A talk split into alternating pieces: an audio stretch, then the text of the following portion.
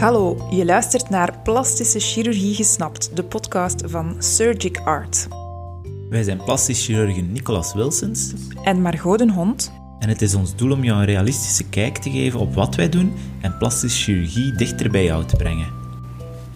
Ik ben Nicolas, ik werk in het Sint-Trudo ziekenhuis en in de Essence praktijk, beide gevestigd in Sint-Truiden. En ik ben Margot, ik werk in het ziekenhuis Oost-Limburg, dat is in Genk, Lanaken en Mazeik. Je kan ons vinden op Instagram en op Facebook onder de naam @artinsurgery, telkens met een puntje tussen, of op onze website www.plastischechirurgielimburg.be in één woord. We horen heel regelmatig als wij ons beroep vernoemen tegen mensen die ons niet kennen ehm, en we vermelden van ja, we zijn plastisch chirurg. Het eerste wat we dan vaak horen, ah, heel veel borsten, heel veel eh, dikkere billen maken, liposuctie doen. En dat komt altijd terug. En dan, dan is er standaard in onze verdedigingsmechanisme dat, dat in werking treedt om ons te verantwoorden dat, dat plastische chirurgie zoveel meer is dan dat. Onze officiële titel luidt ook plastisch, reconstructief en esthetisch chirurg. Dus die esthetische heelkunde, dat is wel degelijk een deel van wat wij doen. Maar de mensen vereenzelvigen dat vaak met ons of denken dat, dat alles is wat wij doen. Ja, dat klopt. Onze, onze titel heeft doorgaans een wat negatieve connotatie. Er is alleszins er is geen volledige kennis over wat dat de titel van plastisch chirurg inhoudt. Maar het is aan ons om daar verandering in te brengen, denk ik. Hè. En om jou een meer volledig beeld te schetsen van wat wij eigenlijk doen. Ja, want plastische en reconstructieve chirurgie is eigenlijk iets heel breed. Reconstructies dienen uitgevoerd te worden over heel het lichaam. Daarom is het ook vaak nodig, ja, in ons opzicht zelf heel noodzakelijk voor iedereen, om, om je na je training, die eerder algemeen en breed is, dat je, dat je jezelf nog een beetje gaat bijscholen met fellowships in bepaalde gebieden waar je, waar je interesse in hebt.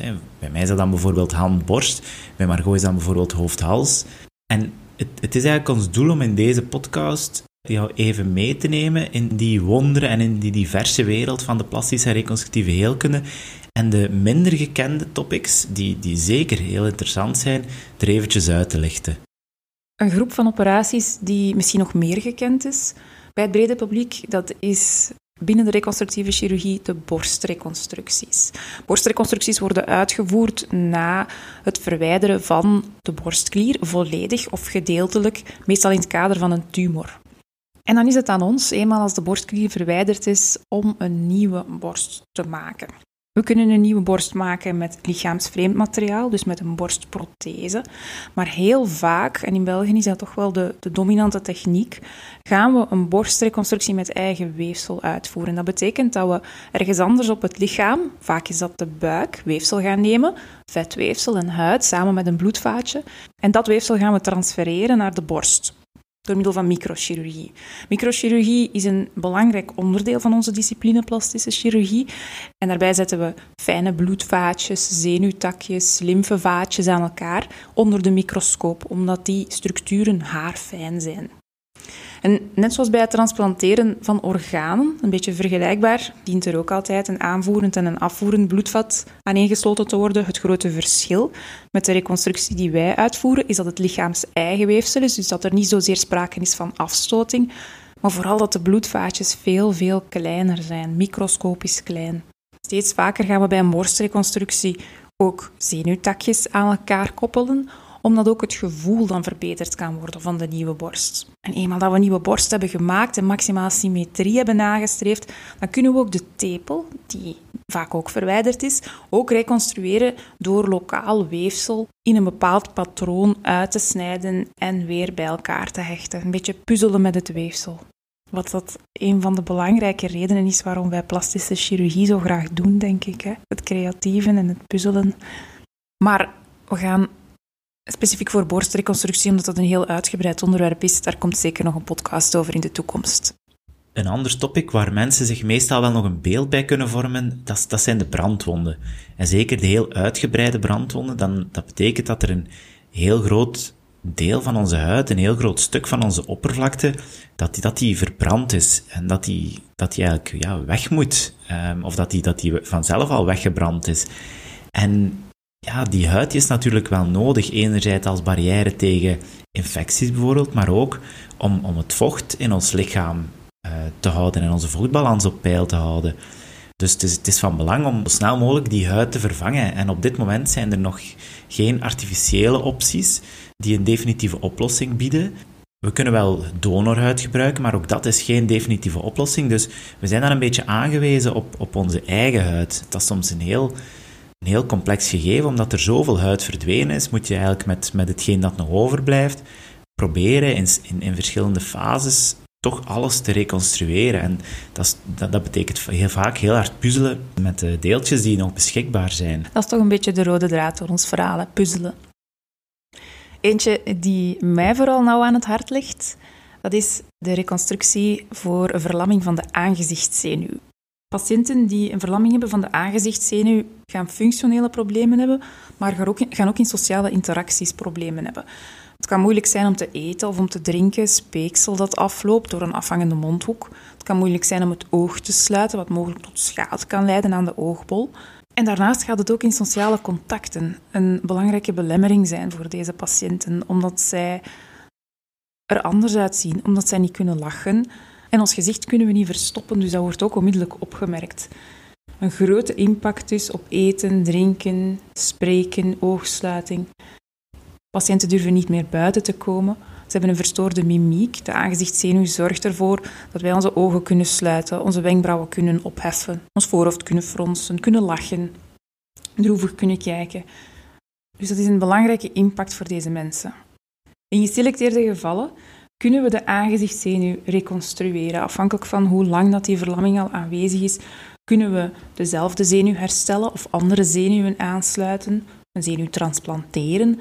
En soms, zeker na een jaar, anderhalf jaar, dan is het niet meer mogelijk om de eigen aangezichtsspieren nog terug tot leven te wekken.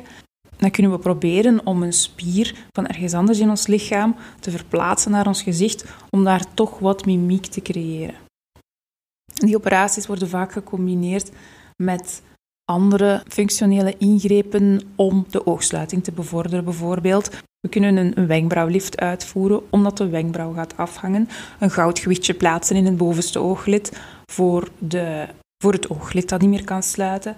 De mondhoek ophangen met bindweefselstrengen omdat die afhangt. Dat kan functioneel een verbetering betekenen, maar ook in de mimiek en om op foto's te staan voor deze patiënten een enorme verbetering betekenen. En ik denk dat er niets mooier is dan iemand een lach terug te geven. Plastische en reconstructieve chirurgie is ook bij uitstek of, of, of een toonvoorbeeld van een, van een multidisciplinair georiënteerde uh, tak van de heelkunde. Uh, we werken heel vaak samen met, met andere disciplines, zoals de algemeen chirurgen of de oncologisch chirurgen, uh, de borstchirurgen, waar Margot al een voorbeeld van heeft gegeven. En het, het gebeurt dan, dan, dan heel vaak dat we, dat we op een kamer komen van een patiënt waarbij verwacht wordt dat, dat wij uh, in de toekomst, of dat onze, onze kennis en kunde in de toekomst nodig zal zijn. we stellen ons voor, hallo, ik ben dokter X, ik ben uh, plastisch chirurg, dat we heel rare blikken krijgen van waarom staat er hier ineens een plastisch uh, aan mijn bed? Ik heb, ik heb een geïnfecteerde wonde aan mijn been, dus de twijfel of mijn been eraf moet en plots staat hier een plastisch wat komt die hier doen? Wel, dat, dat is inderdaad bij, bij reconstructies de zaken die wij, die wij doen, wij, wij, ja, heel plat gezegd, zeggen soms, ja, wij vullen de gaten op die anderen maken. En dan is dat bijvoorbeeld na een trauma, bijvoorbeeld een heel complexe fractuur van een onderbeen, waar, waar ook heel veel huid en spier um, ja, te zwaar beschadigd is, dat die niet kan hersteld worden. Of bijvoorbeeld na oncologische chirurgie, dus in, in, in het kader van kanker, bijvoorbeeld van, van de huid of van, van de buikwand. En als die zaken ja, worden, worden weggesneden, dode weefsels of kankerweefsels worden weggesneden, dan is er een defect en dat defect moet opgevuld worden als we willen dat, dat dat lidmaat gered wordt of als we willen dat die patiënt ja, een, een, een, nog kwaliteit van leven heeft. Um, en dan zijn er in ons arsenaal verschillende dingen die wij kunnen doen.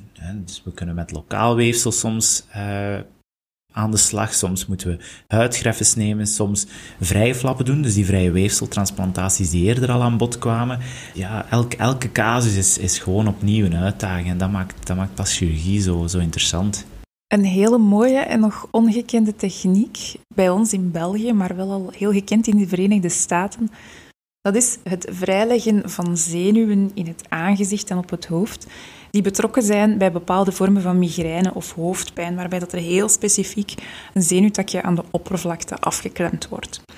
Standaard gaan patiënten met migraine medicatie krijgen, maar soms werkt die medicatie onvoldoende of is die niet goed of wordt die niet goed verdragen. En dan kan, als we de juiste patiënt selecteren die last heeft van een oppervlakkig zenuwtakje dat ingeklemd is, kan daar een chirurgische oplossing voor bestaan. Er is groeiend bewijs dat bepaalde vormen van hoofdpijn ontstaan door druk op bepaalde oppervlakkige zenuwen in het hoofdhalsgebied oppervlakkig, dus niet in de schedel. Het gaat niet over de vormen van hoofdpijn waarbij dat een aura is betrokken, waarbij dat er echt processen in de schedel zijn betrokken, maar aan de buitenkant. En in die geselecteerde gevallen kan chirurgie helpen om de zenuwen vrij te leggen en die druk weg te nemen.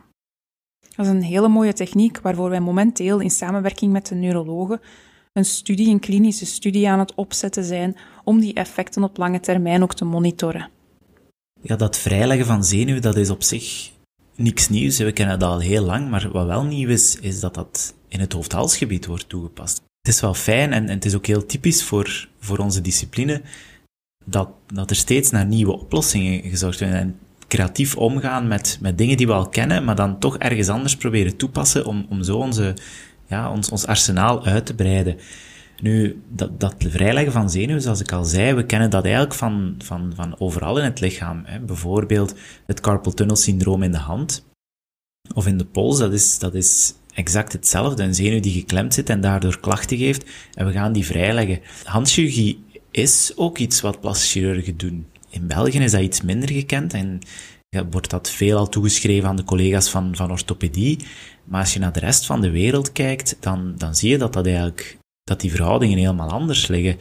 Um, en uit persoonlijke ervaring kan ik zeggen dat eigenlijk de beste centra of de, de beste handchirurgische diensten de diensten zijn waar er, waar er een samenwerking is tussen de twee, tussen plastische heelkunde en orthopedische heelkunde. Heel specifiek zal bijvoorbeeld een plaschirurg zich meer, meer, zal die meer voeling hebben met, met de weken delen, dus de huid en de spieren en de pezen, waarbij een orthopedist soms iets meer voeling heeft met, met de botjes en de gewrichten.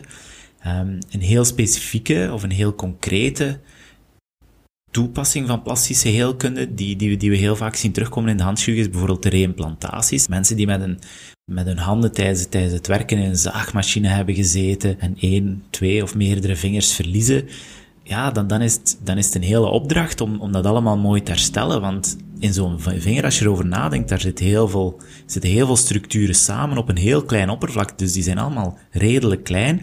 En die moeten wel allemaal juist hersteld worden. Je hebt daar de botten, je hebt daar de pezen, je hebt daar de ligamenten, de huid, de zenuwen, de bloedvaten. En het is niet voldoende om, om dat gewoon te herstellen. Je wilt ook dat dat nadien functioneert. En ja, dat maakt het allemaal super boeiend, maar ook heel complex. En dat is ook de reden waarom dat je, dat je daar best met, met verschillende disciplines aan samenwerkt. Plastische is ook bij uitstek de discipline die zich, die zich bezighoudt met, met de huid en de weken delen. Dat wil dan ook zeggen dat, dat mensen met huidtumoren, of patiënten met huidtumoren, dat, dat die heel vaak um, door ons behandeld worden. Eh, en wanneer het kleine letseltjes betreft, worden die regelmatig nog door de dermatoloog zelf verwijderd. Maar vanaf dat die letsels wat groter worden, dan worden de patiënten regelmatig um, naar ons doorverwezen. En de reden daarvoor is dat het wegsnijden is op zich niet zo'n probleem. Dat is, dat is op zich technisch een, redelijk eenvoudige akte, maar het is nadien om het, om het defect te sluiten, dat is vaak veel ingewikkelder. Want je wil natuurlijk dat dat sluit zonder spanning, zodat de littekens zo mooi mogelijk zijn. Je wil dat um, sluiten op, die, op zo'n manier dat de belangrijke structuren bedekt zijn. En ja, daar hebben wij nu eenmaal de, meeste expertise voor. Dus, um, dus, dus mensen met huidtumoren, dat is, dat is een heel groot deel van wat wij dagelijks doen. En ja, in, in het verlengde daarvan, hè, huidtumoren, iedereen denkt dan direct aan, aan melanomen. Um, maar er zijn ook andere, spinocellair carcinoom of basocellair carcinoom. En belangrijk daarbij is dat we die twee loskoppelen van elkaar. Dus dat we enerzijds het verwijderen van de tumor En anderzijds de reconstructie als twee aparte zaken bekijken, want we mogen zeker geen compromissen sluiten. De tumor moet eerst volledig verwijderd worden en daarna gaan we onze focus leggen op de reconstructie. Want het is vaak een bezorgdheid als we uitleggen op de raadpleging dat er toch eigenlijk wel een grote hoeveelheid weefsel, bijvoorbeeld op de neus, moet verwijderd worden, wat een zekere vervorming of toch grote littekens kan geven. Maar dan is het belangrijk om heel duidelijk aan te geven dat we die twee loskoppelen van elkaar. Dat we zeggen, eerst gaan we al het weefsel wat noodzakelijk is verwijderen en dan gaan we de reconstructie uitvoeren. Met het oog op een zo goed mogelijk cosmetisch resultaat ook. Soms is het onvoldoende om enkel de, de tumor of het, of het litteken na het verwijderen van de primaire tumor te verwijderen. En soms is het nodig om ook de schildwacht-lymfeklier of de sentinelklier mee te gaan verwijderen. Dus ook dat is iets dat, um, dat door plastische chirurgen wordt gedaan.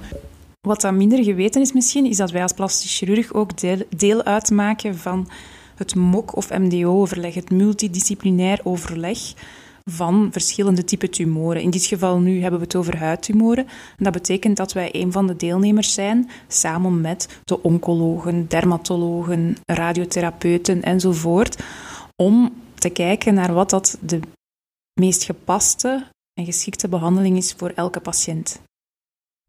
Nog een laatste voorbeeld is ook een leuke in het aangezicht, een kaakreconstructie. Bijvoorbeeld na excisie, na verwijderen van een grote tumor in het gelaat, waarbij ook het bot betrokken is, dan moet soms de boven- of de onderkaak mee verwijderd worden. En dan missen we eigenlijk een stuk skelet, een stuk ondergrond dat stevigheid geeft aan ons gezicht. En waar gaan we dan dat stuk, dat missend deel halen? We kunnen dat nemen van ons kuitbeen, onze fibula. En dan gaan we dat bot gebruiken om bijvoorbeeld de onderkaak, de mandibula, terug vorm te geven. En dat bot kan zelfs gebruikt worden om achteraf tandimplantaten in te plaatsen. En zo hebben we de stevigheid waarover we dan terug die zachte weefsels kunnen leggen. Dat is ook een, een voorbeeld van een vrije flap, een reconstructie zoals de borstreconstructie, waarbij we met microchirurgie bloedvaatjes, die afkomstig zijn van ons kuitbeen, aan te koppelen aan bloedvaatjes in het hoofdhalsgebied. Elk defect is uniek, elke patiënt is uniek. Dat betekent ook dat we voor elk probleem een unieke oplossing gaan bedenken en dat de puzzel telkens net een beetje anders is. Wat dat ons vak zo leuk maakte.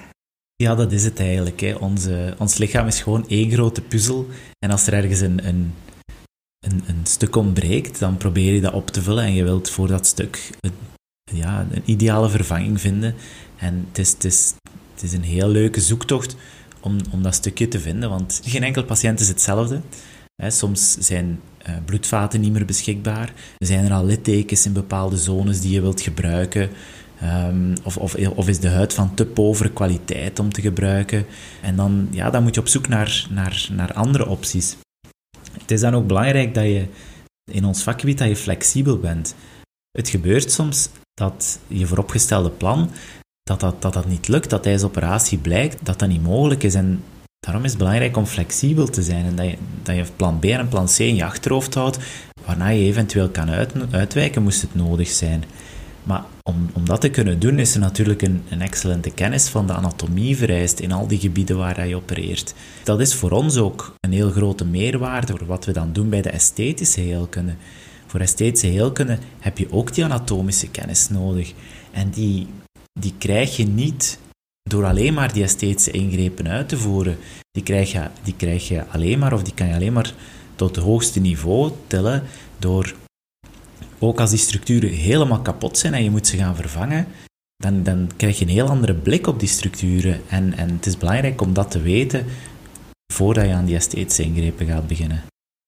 En dat werkt inderdaad in twee richtingen. Ook bij onze reconstructieve ingrepen is dat een toegevoegde waarde dat wij die esthetische, die cosmetische achtergrond hebben. Want in de eerste plaats is het natuurlijk de bedoeling om een functie te herstellen, een vorm te herstellen, een defect te sluiten. Maar als we bijkomend ook die aandacht voor de esthetiek niet uit het oog verliezen, dan, gaat dat een, dan geeft dat toch wel een belangrijke meerwaarde voor het eindresultaat. En dat is de belangrijkste boodschap die we in deze podcast willen meegeven. En wij hopen dat, die boodschap, dat we die boodschap kunnen uitdragen dat plastische chirurgie veel meer is dan wat het woord in de eerste plaats oproept. Dat plastische chirurgie een ontzettend boeiende discipline is. Ja, en als je daar meer over wilt horen en nog mooie voorbeelden wilt, uh, wilt horen, ben je altijd welkom voor een tas koffie. of thee. Ook goed.